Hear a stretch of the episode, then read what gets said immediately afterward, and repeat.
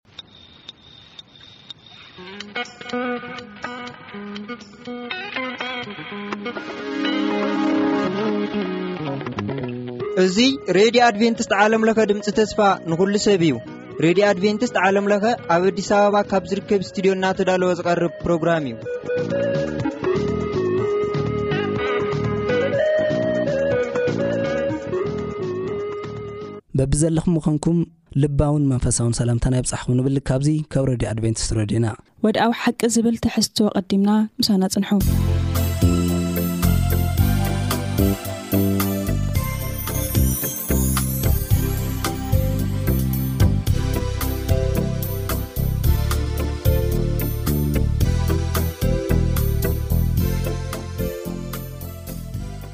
ሰላም ኣብ በቦትኡ ኮንኩም መደባትና እናተኸታተልኩም ዘለኹም ክቡራት ሰማዕትና ሎሚ እውን ከይዲ ናይ ፍርዲ ብዝብል ኣርእስቲ ኣብ መደብ ወድዓዊ ሓቂ ሒዝናልኩም ቀሪብና ኣለና ምሳና ክፀንሑ እናዓደምና ሎሚ ኣብዚ መደብና ሓሳብ ክቡና ሓፍትና ቹቹን ሓውና ኣማረን ምሳና ኣለው መጀመርያ ፃውዒትና ክቢርኩም ስለ ዝመፃኹም እግዚኣብሔር ይባርክኩም ክብል እደሊ እምበኣር ከምቲ ቅድም ኢለ ዝበልኩ ሎ ከይዲ ናይቲ ፍርዲ ኢና ክንርኢ ፍርዲ ኣሎ ከይዲ ናይቲ ፍርዲ ከዓ ከመይ ከም ዝመስል ኢና ክንርኢ እሞ ናይ መወዳእታ ግዜ ፍርዲ ከይዱ ከም ይመስል ዝብል ቅድሚ ምርኣይና ግን ከም መእተዊ ጥቕሲ ተዋሃበና ኣብ ካልኣይ ቆሮንጦስ ምዕራፍ ሓሙሽተ ፍቕዲ ዓሰርተ ዘሎ ሓሳብ ኣንቢበ ክልፀሊ ይደሊ ከምዚ ይንበብ ነፍሲ ወከፍና ነቲ ብስግኡ ከሎ ዝገብሮ ሰናይ ኮነ ወይስ እከይ ምእንቲ ክቕበል ኩላትና ኣብ ቅድሚ መንበር ፍርዲ ክርስቶስ ብግዲ ክንገሃድ ኢና። ስለዚ ድማ ኣብ ስፍራና እንተሃሊና ወይስ ኣብ ወጻኢ ንዑ ከነሕግሶ ንጽዕት ኣሎና ይብል እሞ ኣምላኽ እዚ ሓሳብ እዚ ክገልጽልና ምእንቲ ሕፅር ዝበለ ጸሎት ክንጽሊ ኢና ኦ ጎይታ ነመስክነካ ኣለና ሕጂ ድማ ክቡር ዝኾነ ቃል ከኸፊትና ኣለና እሞ ኣምህረና ኣስተውዒልና ምንባር ንኽእለሉ ጸጋ ኣብዝሓልና ብጎይታና መድሓና የሱስ ክርስቶስ ስም ኣሜን ኣሜን ሕራይ እምበኣር ፍርዲ ከይዲ ኣለዎ ኣብዚ ሓሳብ እዚ ከም ንሪኦ ማለት እዩ ከይዲ ኣለዎ ስኢልካ ከድካ ከድካስ ስኻ ናብ የማን ስኻ ናብ ፀጋም ዝበሃል ኣይኮነ መፅሓፍ ቅዱሳዊ ከድና ክንረእ ክልናስ ከይዲ ኣለዎ እዚ ከይዲ እዚ ከዓ ፍርዲ መርመራ ተባሂሉ ዝፅዋዕ ፕሪ ኣድቨንት ጃጅመንት ዝበሃል ካብኡ ከዓ ናይ ሽሕ ዓመት ፍርዲ ሳልሳይ ከዓ ናይ መወዳእታ ፍርዲ ብዝብል እዩ ማለት እዩ እሞ እዚ እንታይ ምዃኑ ቀፂልና ንሪኦ ሓሳብ እዩ ዝኸውን ማለት እዩ እስኪ ሓሳብና በቲ ናይ ናይ መወዳእታ ፍርዲ ንጀምር እሞ ናይ መወዳእታ ፍርዲ ብኸመይ ዝገልፆ መፅሓፍ ቅዱስ ዝብል መጀመርያ ንርኣይ እሞ ድሓር ናብቲ ከይዲ ክንኣቱ ኢና ግን ብዛዕባ ናይ መወዳእታ ፍርዲ መፅሓፍ ቅዱስ እንታይ ይብለና ሓፍትና ቹቹ ናባካ መፅእ ይገርም እዩ ኣብዚ ፍርዲ ኣብ ዝተገምደለሉ ፍትሕ ኣብ ዝተሰኣነሉ ምድሪ ኮፍ ኢልና ብዛዕባ ፍርዲ እግዚኣብሄር ክንዛረብ ወሳኒ እዩ ወሳኒ ግዜ ብወሳኒ ሰዓት ዝመፀ ትምህርቲ እዩ እዚና ፍርዲ እግዚኣብሄር ከም ናይ ሰብ ድዩ እግዚኣብሄር ክፈርድ ከሎ ከመይ እዩ ዝፈርድ ዝብል ብትክክል ንክርኢ ኣብዚ መወዳእታ ግዜ እዩ ክልተ ዓይነት ፍርዲ ህሉ ይዎ ዶ ሓደ ፃድቃን ዝኾኑ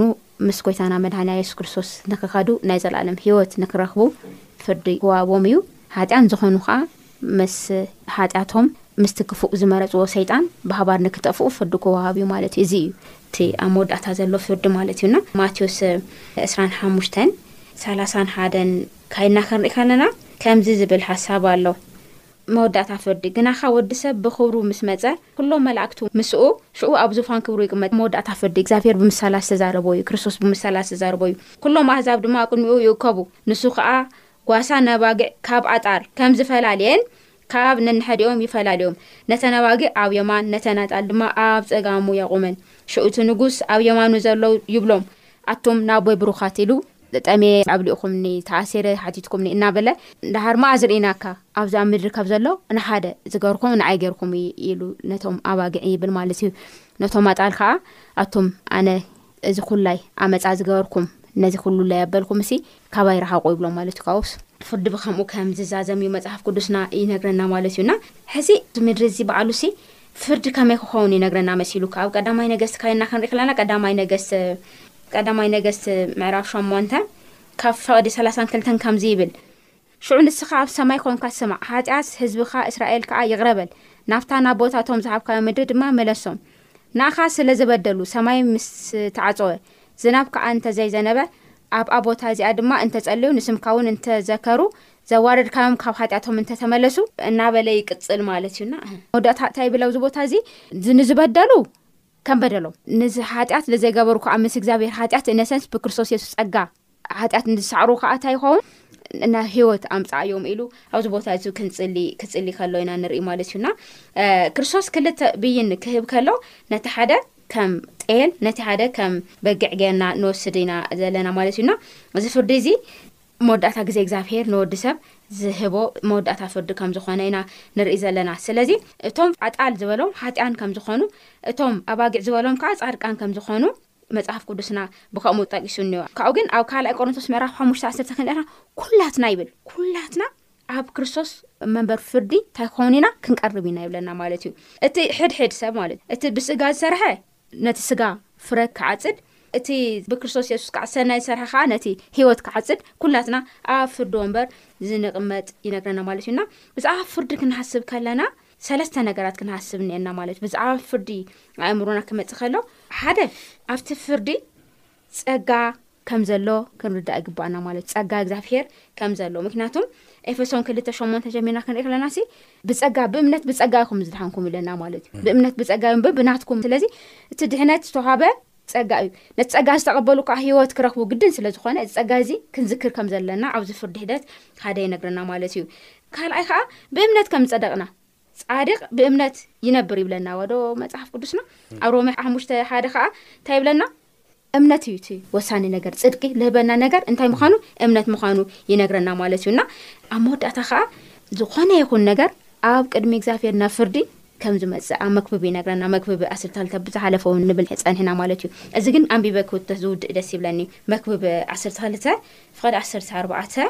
ከምዚ ይብል ኣምላኽሲ ንኩሉ ግብርን ምስ ዓሰርተ ሰለስተ ጀሚርካ ኣንብቦ። ከምዚ ይብል። መፈጸምታ ኩሉ እቲ ነገር ንስማዕ። እዚ ናይ ሰብ ኩለንተና እዩ እሞ፣ ንኣምላኽ ፍርሓዮ፣ ንትእዛዛቱውን ሓልዎ። ኣምላኽሲ ንኹሉ ግብርን ንህቡእ ነገርን ዘበለ፣ ሰናይ ኾነ ወይስ እኩይ፣ ናይ ፍርዲ ከም ዘምጽኦ፣ ከምጽኦ እዩ ይብለና ማለት እዩ። ስለዚ እዘን ሰለስተ ነገራት፣ ጸጋ እግዚኣብሄር፣ ከምኡ ኸኣ ብእምነት ከም ዝጸደቕናን፣ ዳሕራይ ኸኣ እግዚኣብሄር ኣብ መወዳእታ፣ ኩለን ናብ ፍርዲ ከም ዘምጸኣኤን ክንዝክር ከም ዘለና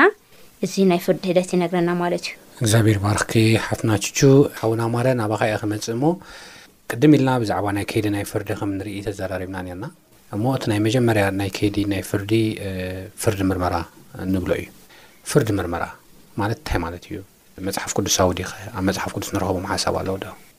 እወ ትኽክል ኢኻ እቲ እዚ ፍርዲ ምርመራ ዝብሃል ምናልባት ኣብዚ ናይ ንሕና መጽሓፍ ቅዱሳዊ እዩ መጽሓፍ ቅዱሳዊ እዩ ፍርዲ ዝምርመር ፍርዲ ክትብ ከለኻ ብጀመርያ ክምርመር ኣለዎ እቲ ፍርዲ ትኽክለኛ ፍርዲ ምውሃቡ ማለት እዩ ስለዚ መጽሓፍ ቅዱስና እንታይ ዝብን ንኣብነት ሓንቲ ጥቕሲ ከንብብ እየ ራእይ ዓሰርተ ኣርባዕተ ቍጽሪ ሽዱሽተን ቍጽሪ ሸውዓተን ከንብብ ይደሊ። ነቶም ኣብ ምድሪ ዚነብሩ ንዅሎም ኣህዛብን ዓሌታትን ቋንቋታትን ህዝብታትን ኪሰብከሎም ድማ ናይ ዘለኣለም ወንጌል ዘለዎ ኻልእ መልኣኽ ካብ ማእከል ሰማይ ኪዝንቢ ከሎ ረኣኹ። ብብርቱዕ ድምጺ ኸኣ እታ ዝፈርደላ ግዜ በጺሓ እያ እሞ ንኣምላኽ ፍርሑ ክብሪ ሃብዎ ነቲ ሰማይን ምድርን ባሕርን ዓይኒ ማይን ዝገበረ ስገድሉ በለ ኣብዚ ክነስምረላ ዝግበኣላ ነታ ዝፈርደላ ግዜ በጺሓ እያ ይብል ኣብዚ እዚ ዓለም እዚ ዝተጀመረ ኣብ ሰማይ ዝጀመረ ዝዓብዪ ናይ ዲያብሎስ ዓመፅ መወዳእታ ዝረኽበሉ ግዜ ማለት እዩ ስለዚ መፅሓፍ ቅዱሳዊ እዩ እግዚኣብሄር ፃድቕ ፈራዲ እዩ ኩሎም ዝኣመኑ ዘይኣመኑ ኩሎም እሳብታ ናይ መወዳእታ ትንሳኤ ሳብ ትመፅእ ኩሎም ከምዚ ሙታን ሓንቲ ነገር ኣይፈልጡን ዝብሃል ዘሎ ናብ ገሃነብ ዝኣተወ የለን ናብ ገነት ዝኣተወ የለን ኩሉ ኣብ ጉድጓድ ኣብ መቓብሩ ከም ዘሎ ወንጌላ ዮሃንስ ሓሙሽተ ካብ ዕስራን ሓሙሽተን ሳብ ዕስራን ትሽዓንተን ሙታን ናይ እግዚኣብሄር ድምፂ ዝሰምዐሉ ግዜ ክመፅእ እዚ ከም ዘበሎ ኣሎ ካልኣይ ፍርዲ ዩኒቨርሳል እዩ ኩሉ ዝፍረደሉ ወዲ ሰብ ማለት እዩ እና እቲ ካሊእ ጎይታና የሱስ ክርስቶስ ኣብ ማቴዎስ ወንጌል እውን ናይቲ ናይ መርዓ ክስታይ ኣሎና ዕዱማት ናይቲ መርዓ ፌስታ ዝነበረሉ ግዜ ኣብኡ እውን ክንርኢ እንከለና ቅድሚ እቲ ክስታይ ጻዋዒት ገይሩሎም እዩ ነይሩ እና እዚ ክንሪኦ እንከለና ክዳን ዘይተኸደደ ክስታይ ንሪኦ ፍርዲ ከም ዘሎ ነቲ ሰብኣይ ከውፅኦ ከሎ ክንርኢ ኢና መወዳእታ ሓንቲ ነገር ዝደሊ ግን ኣብ ትንቢተ ዳንኤል ምዕራፍ ሸውዓተ ካብ ትሽዓንተ ጀሚሩ በዚኣ ከጠቓልል ይደሊ። ኣነ ዙፋናት ክሳዕ ዝነብሮ እጥምት ነበርኩ፣ ሓደ ጥንታዊ ዝመዓልቱ ድማ ተቐመጠ፣ ክዳውንቱ እውን ጻዕዳ ከም በረድ፣ ጸጉሪ ርእሱ ኸኣ ከም ጽሩይ ምድሪ እዩ፣ ዙፋኑ ሓልሓልቲ ሓዊ፣ መጐራዅርቱ ድማ ጕሁር ሓዊ እዩ። ውሕዝ ሓዊ ካብ ቅድሚ ኸኣ ይወጽእ ነበረ፣ ሽዑ ግዜ ሽሕ ግዜ ሽሕ የገልግልዎ፣ እልፍ ኣእላፍ ድማ ኣብ ቅድሚኡ ይቖሙ ነበሩ። ፍርዲ ዀነ፣ መጻሕፍቲውን ተገለጸ። ሽዑ ኣነ ብዛዕባ እቲ ቐርኒ እተዛረቦ ድምጺ ዓበይቲ ቓላት ጠመትኩ፣ እቲ ኣራዊት ክሳብ ዚቕተል ጠመትኩ፣ ስጋኡ ጠፊኡ ምእንቲ ክነድድ ከኣ ንሓዊ ተውሃበ።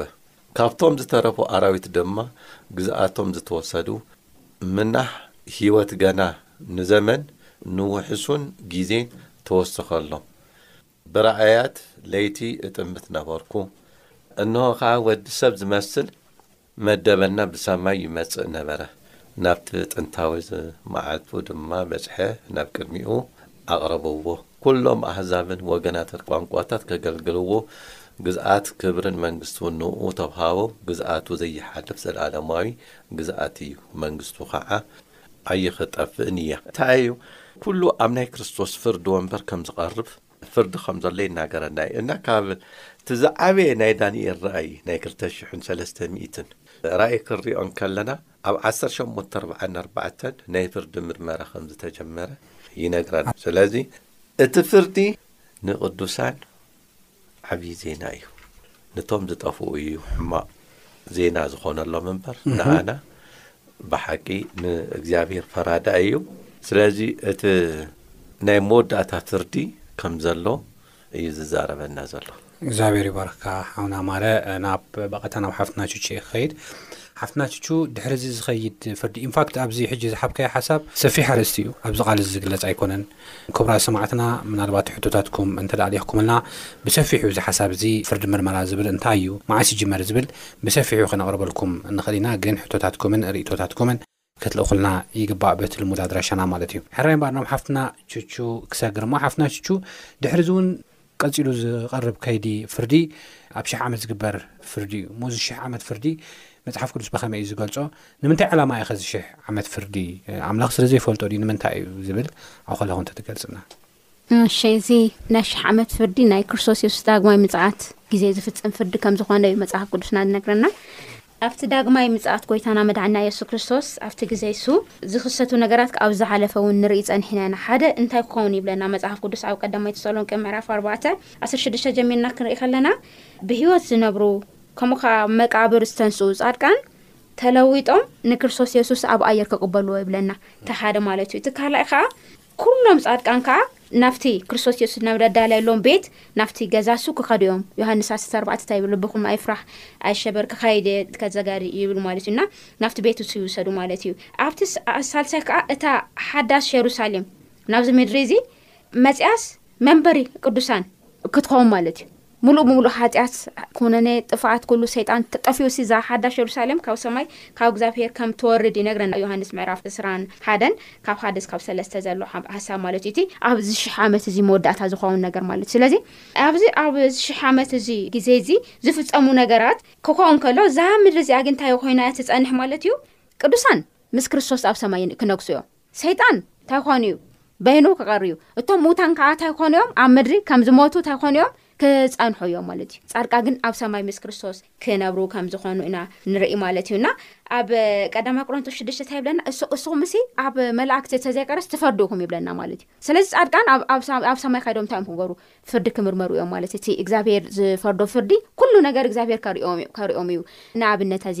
ሓደ ሓወይ ንብል ኢና ወይ ድማ ሓደ ብጣዕሚ ኣገልጋሊ ዝኾነ ሰብ ኣብ ብቅድሚ ሰብ ንርኢ ከለና ማለት እዩ ካብኡ ካይድ ናብቲ ሰማይ ክንስእኖ ንኽእል ኢና ደሓረ ግን መልሲ የድልየና እዩ ወዶ እዚ ሕቶ እዚ ክምለሰና ኣለዎ እና እዚ ሕቶ እዚ ክምለስ ከለዎ እግዚኣብሄር እንታይ ይገብረና ነቲ ህይወቱ እንታይ ይገብረካ ከምዚ እዩ ነይሩ ኣብ ቅድሚ ሰብ ከምዚ ነይሩ ኣብ ቅድመይ ግን ከምዚ ነይሩ ኢሉ ከምዚ ዓይነት ፍርዲ ሒደት ክህሉ እዩ ኣብ ሰማይና ሽሕ ዓመት እዚ ፍርዲ እዚ ክውዳእ እዩ እና ኣብቲ መወዳእታ ግን እቲ ፍርዲ እዚ ናይ ሽሕ ዓመት ፍርዲ ምስ ተወደኣ እቶም ጻድቃን ይኹኑ ሓጥያን እግዚኣብሄር ፍጡራን ኩሉ ፍትሃዊ ዝኾነ ኣምላኽ ከም ዝኾነ ይርእዎ ምክንያቱ ሰይጣን ኣዚ እንታይ ይብል ንወዲ ሰብ ፍትሃዊ ኣይኾነን እግዚኣብሄር ኣምዚ ኣምዚ ገይሩ ኢሉ እቲ ምስ ናይ እግዚኣብሄር የጠልሽ ኣለዋ ዶ ማለት የጸልምቶ ኣሎ ማለት እዩ ኣብቲ መወዳእታ ግን ሰብ ኩሉ እዚ ክፈልጥ ከም ዝኾነ እቲ ናብ ንጻድቃን ዝተዋሃበ ናይ ፍርዲ ሽልማት ከኣ እንታይ እዩ ምንም ዓይነት መድሎ ዘይብሉ ምዃኑ እውን ክምስከር እዩ ማለት ንስኻ ጻዲቕካ ስራኸ እሙን እዩ ፍርድኻ ከዓ ጽድቂ ዝተመልኦ ይብሉ እዞም ሓጢኣን እዮም ከም ዝብሉ ክጠፍኡ ከለውስ ትክክል ኢኻ ብፍርድኻ ኢሎም ከም ዝብሉ ይነግረና ማለት እዩ እግዚኣብሄር ከዓ ኣመፀኛ ዝሃቦ ፍርዲ እውን ፍትሃዊ ከም ዝኾነ ይነግረና ኣብ መወዳእታ ከዓ ኣብቲ ዩኒቨርስ ኣብዚ ዩኒቨርስ እዚ ካሊእ ዓመጽ ንከይለዓል ዓመጽ ምስ ዓመጽቲ ታይኮን ንመጨረሻ ግዜ ንክጥፍእ እቲ ዘሎ ምጥርጣር ገለ ንከውድግድ ክመጽእ ከም ዝኾነ ንርኢ ማለት እዩና እዚ ፍርዲ እዚ ተካፈልቲ ዝኾኑ መን እዮም ፃድቃን እዮም ነቶም ናይ ሰማይ ሰራዊት እዮም ሰማይ ዝመረፆም ናብ ፅድቂ ምስ ክርስቶስ የሱስ ዘለዎም እዩ ዕድል እዚ ዘለዎ ማለት እዩ ካብ ወፃኢ ንዘለዎም ግን እዚ እድል እዚ ከምዘይምልከቶም ኢና ንርኢ ማለት እዩና ዳንኤል ሸውዓተ ክንርኢ ከለና ዙፋን ተዘርግሐ ፍርዲ ዙፋን ከም ዝተሰመ ይነግረና እቲ ፍርዲ ምርመራ እውን ከም ዝተጀመረ ይነግረና ኣብ ዳንኤል ክንርኢ ከለና ማለት እዩ እና ከም ናብ መወዳእታ ክንመፅእ ከለና ግን ፃድቃን ሽሕ ዓመት ምስ እግዚኣብሄር ምስ ጎይታና መድሃኒ የሱስ ክርስቶስ ከነግሱ እዮም ኣብ ሰማይ ከዓ እንታይ ይገብሩ እዮም ፍርዲ ምርመራ ናይ እግዚኣብሄር ስራሕ ብምሉኡ ትክክል ምዃኑ ጀስቲ ምዃኑ ፍትሃዊ ምዃኑ ክፈርዱ እዮም እዚ ከኣ እስካብ ልኾን ሰይጣን ከኣ ምድሪ ክእሰር ከም ዝኾነ ይነግረና መጽሓፍ ቅዱስና ክእሰር ማለት እነሰንስ ለስሒቶ የብሉን እቶም ሙታን ሞይቶም እዮም ጻድቃን ካይዶም እዮም ሰይጣን በይኑ ኣብ ምድሪ ክመላለስ እዩ ማለት እዩ ምክንያቱም ኣብ መወዳእታ ፍርዱ ንክረክብ ማለት እሱ እዩ ትሽዓ ዓመት ዝበሃል እሺ እግዚኣብሔር ባርኪ ሓፍትና ቹ ብጣዕሚ ደስ ዝብል ሓሳብ ይክብክና ቀጺለ ሕቶይ ዘቕርብ ናብ ሓውና ማረ እሞ ሓውና ማረ ምስዚ ተታሒዙ ብዛዕባ ቅድም ኢላ ሓፍትና ቹቹ ብዛዕባ ናይ ናይ መወዳእታ ፍርዲ ገሊጻ ነይራ ፍርዲ ከም ዘሎ መወዳእታ እሞ ባህርያት ናይዚ መወዳእታ ፍርዲ እንታይ እዩ መጽሓፍ ቅዱስ ከብ ዛዕባ እዚ ናይ መወዳእታ ፍርዲ ብፍላይ ምስዚ ኣብ ዓለም ዘሎ ናይ ሎሚ ናይ ሓሶት ትምህርትታት ኣታሒዝካ ናይ መወዳእታ ፍርዲ ባህርያቱ ከመይ ይመስል እንታይ እቲ ናይ መወዳእታ ፍርዲ ዝበስኪ ሓውና ማለት ኣወ ናይ መጽሓፍ ቅዱስ እንታይ ይብል እግዚኣብሔር ጻዲቅ ፈራዲ እዩ ጽድቂ ማለት ብሓቂ ምፍራድ እዩ እግዚኣብሔር ከኣ ሓቂ እዩ ሓንቲ ክንዕሾ ዘይግበአና ነገር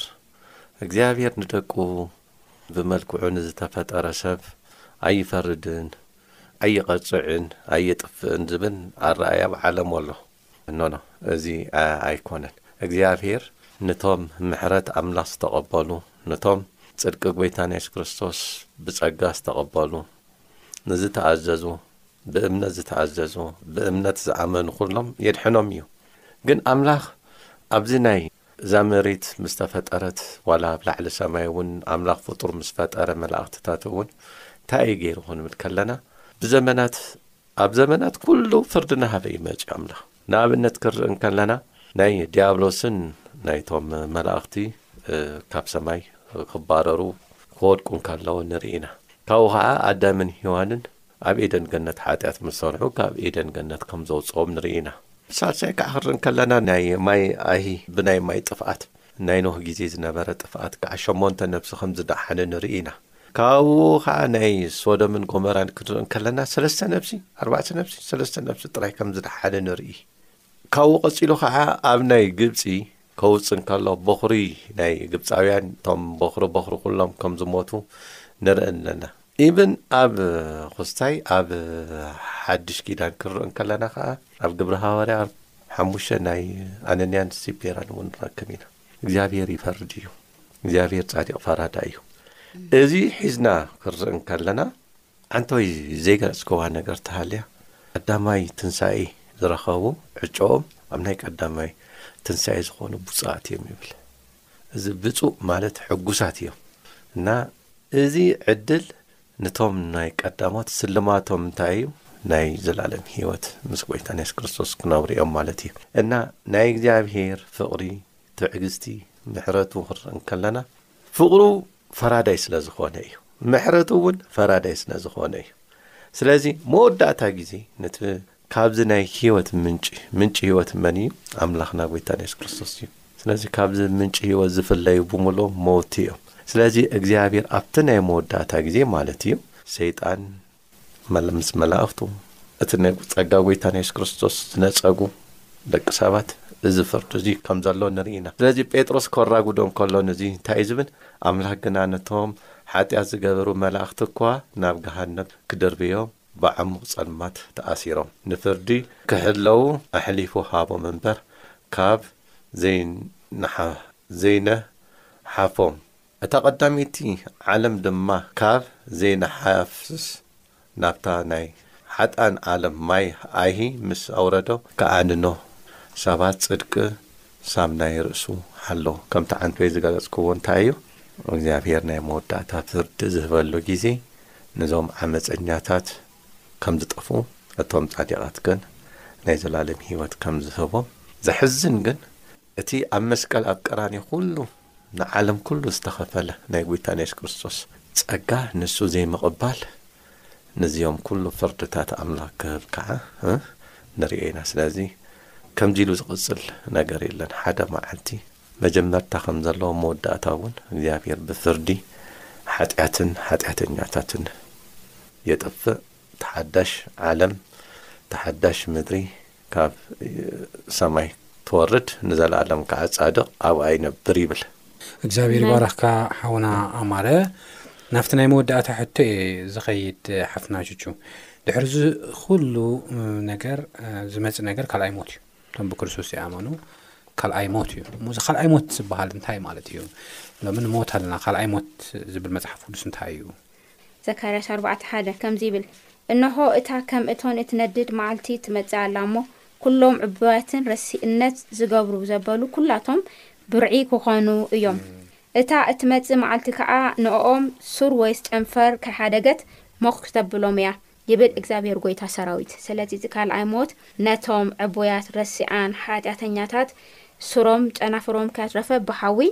ዝውድእ ሞት ናይ መወዳእታ ዝረኽበሉ ኣብቲ ዝረኣናዮ ሐሳብ ጻድቃን ሽሕ ዓመት ንሳማይ ክኸዱ ከሎ ሙታት ሞይቶም እዮም ክጸንሑ ኣብ ምድሪ እዮም ክጸንሑ ክትንስኡ እዮም ደሓር ግን ከም ዘይትንስኡ ንዘልኣለም እንታይ ክገሩ እዮም ክጠፍኡ እዮም ይብለና ማለት እዩ እዚ ሐሳብ እዚ ሒዝና ከዓስ ኣብ ራእ ዮሐንስ ምዕራፍ ዕስራ ዘሎ ከዓ ክንውሰኸሉ ኣብዚ ሐሳብ ምዕራፍ ዕስራ ዓሰርተ ኣርባዕተን ዓሰርተ ሓሙሽተን ከዓ ከምዚ ይብለና ሞትን ስኦልን ናብ ቀላይ ሓዊ ተደርበዩ እዚ እቲ ካልኣይ ሞት እዩ ማለት ቀላይ ሓዊ ዝኾነ ይኹን ኣብ መጽሐፍ ህይወት ተጻሒፉ ዘይተረኽበ ናብቲ ቀላይ ሓዊ ተደርበየ ይብለና ማለት እዩ ስለዚ ካልኣይ ሞት ዝበሃል ለሎ እንታይ እዩ ናብቲ መወዳእታ ሓዊ ሓሙኽሽቲ ናብ ዝገብር ሓዊ ልክዕ ከምዚ እዚ ኣብ ዓድና ብዙሕ ግዜ ዝረአ ኣዚ ሓዊ ኣለዎ ዶ እዚ ኣብ ኣፋር ለሎ በርሃሌ ልግንፍል ሓዊ እኒኦ ማለት እዩ ርታርታኣሊ ልበሃል ማለት እዩ ቦልካኖ በቃ ሓዊ ከምኡ ዓይነት ሓዊ እዩ ክበልኦም ካብ ሓመድ ይገብሮም ይውዳእ እዩ እቲ መፈፀምታ ማለት እዩና እዚ እዩ ዝነግረና ማለት እዩና እስራን ሓደን ሸሞንተ ከዓ ሓንቲ ጥቅሲ ክወስኽ እየ ደሊ እስራን ሓደን ፈቅዲ ሸሞንተ ከዓ ከምዚ ይብለና እቶም ፈራሃትን ዘይኣምኑን ፍንፉናትን ቀተልቲ ነፍስን ኣመንዝራን ጠንቆልትን ምምላኽ ጣዖትን ብዘለዉ ሓሰውትን ግና ግዲኦም ኣብቲ ብሓዊን ዲንን ዝነድድ ቀላይ እዩ። እዚ ካልኣይ ሞት እዩ። ስለዚ እቶ ወደ እግዚኣብሔር ንጻድቃን ናብ ቤቱ ምስ ኣተየ ንኃጢኣን ከኣ ምስ ኃጢኣት ምስ ክፋኣት ምስ ሰይጣን ዝህቦም ናይ መወዳእታ ፍርዲ እዩ እቲ ካልኣይ ሞት ዝበሃል ማለት እዩ። ስለዚ መጽሓፍ ቅዱስና እንታይ ይብል ኣብቲ ቀዳማይ ትንሣኤ ዕድል ዘለዎ እታይ እዩ ብፁእ እዩ ይብለና ማለት እዩና ብክርስቶስ ብምእማን በቲ ጸጋ እግዚኣብሄር ብምውካል ናብትና ቀዳማይ ሞት ናብ ዘይብሉ ናብ ክርስቶስ የሱስ ሂወት ክንጽምበር እግዚኣብሄር ጸጉ የብዝሕልና እግዚኣብሄር ይባርኽኪ እግዚኣብሄር ይባርኽኩም ኩላትኩም ብጣዕሚ ደስ ዝብል ሓሳብ ኣብዚ ስለ ዝሃብኩምና ክብራት ስማዕትና ኣብ ዝነበረና መደብ ከም ተባረኽኩም ተስፋ እናገበርኩ እግዚኣብሄር ፍትሓዊ ኣምላኽ እዩ ጻድቕ ኣምላኽ እዩ ፍርዲ ከም ስምዒቱ ወይ ድማ ገጽ ሰብሪኡ ወይ ድማ ናትና ስታትስ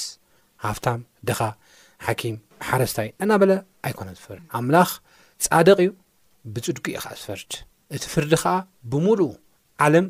ጻድቕን ትኽክለኛን ፍትሓውን ምዃኑ ክምስክር እዩ ይብል ጉልበት ኩሉስ ንጎይታ ክምብርከኽ እዩ ጻድቕ ኢኻ ፍትሓዊ ኢኻ ኢሉስ ክምብርከኽ ወላ እቶም ዝፍረዱ ባዕሎም ማለት እዩ መጨረሻ ዝጠፍኡ ዝገርመኒ ብጣዕሚ ዝገርመኒ ካብዚ ብተወሳኺ ኣብ እቶም ጻድቃናት ውን እቶም ብክርስቶስ ኣሚኖም ስዒሮም ናብ ሰማይ ንዘለኣለም ሂወት ዝኸዱ ውን ንኸይድ ውን ኣብኡ ውን ፍርድኻ ትኽክል እዩ ኢቭን ዞ ፔንፉል እኳ ተኾነ እንፈትዎ ሰብ እንፈትዎ ሰብ እንፈትዋ ሰብ ኣብኡ ተሪፋ እናረኣናያ እኳ ፔንፉል እኳ ተኾነ ነገር ግን ፍርዲ ኣምላኽ ምርኣይ ትኽክል እዩ ፍርዲ ከልና ኢና ኣብቲ ግዜ እቲ ምስ ኣምላኽ ንእውጅ ማለት ንፈርድ ንዓለም እሞ ኣምላኽ ጻድቕ እዩ ፍርዱ ኸኣ ፍትሓውን ጻድቕን እዩ። ኣብኡሲ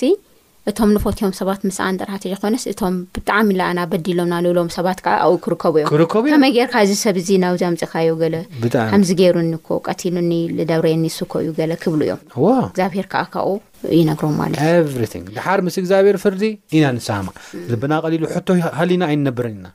ቅልል ኢልና ደስ ኢልና ኢና ንነብር እና ብጣዕሚ ዝገርም እዩ ናይ እግዚኣብሔር ፍርዲ ከም ዝበልኩኹም ስፍሕ ዝበለ ሓሳብ ንምርካብ ብዛዕባ እዚ ድምፅኹም ሕቶታትኩም ንደሊ ኢና በዚ ዝስዕብ ኣድራሻ ልኣኹልና ናብ ዓለም ለኸ ኣድቬንስ ሬድዮ ድምፅ ተስፋ ንኹሉ ሰብ ቁፅሪ ሳጥን ፖስታና 145 ኣዲስ ኣበባ ኢትዮጵያ ወይ ድማ ብቁፅሪ ስልኪ 09 01 94 ሰብዓ ተስዓን ሽዱሽተን ከምኡ ውን ብ ዜሮ ትሽዓተ ዕስራን ሓደን ሰማንያን ሸሞንተን ኣርባዓን ትሽዓተን ዓሰርተ ክልተ ወይ ድማ ብናይ ኢመይል ኣድራሻና tigsong at gmail dot com ኢልኩም ክትልእኹልና ትኽእሉ ኢኹም ኣብ ዝቕጽል ብኻልእ ክሳብ ንራኸብ ሰላም ኩኑ ጎይታ ይባርኽኩም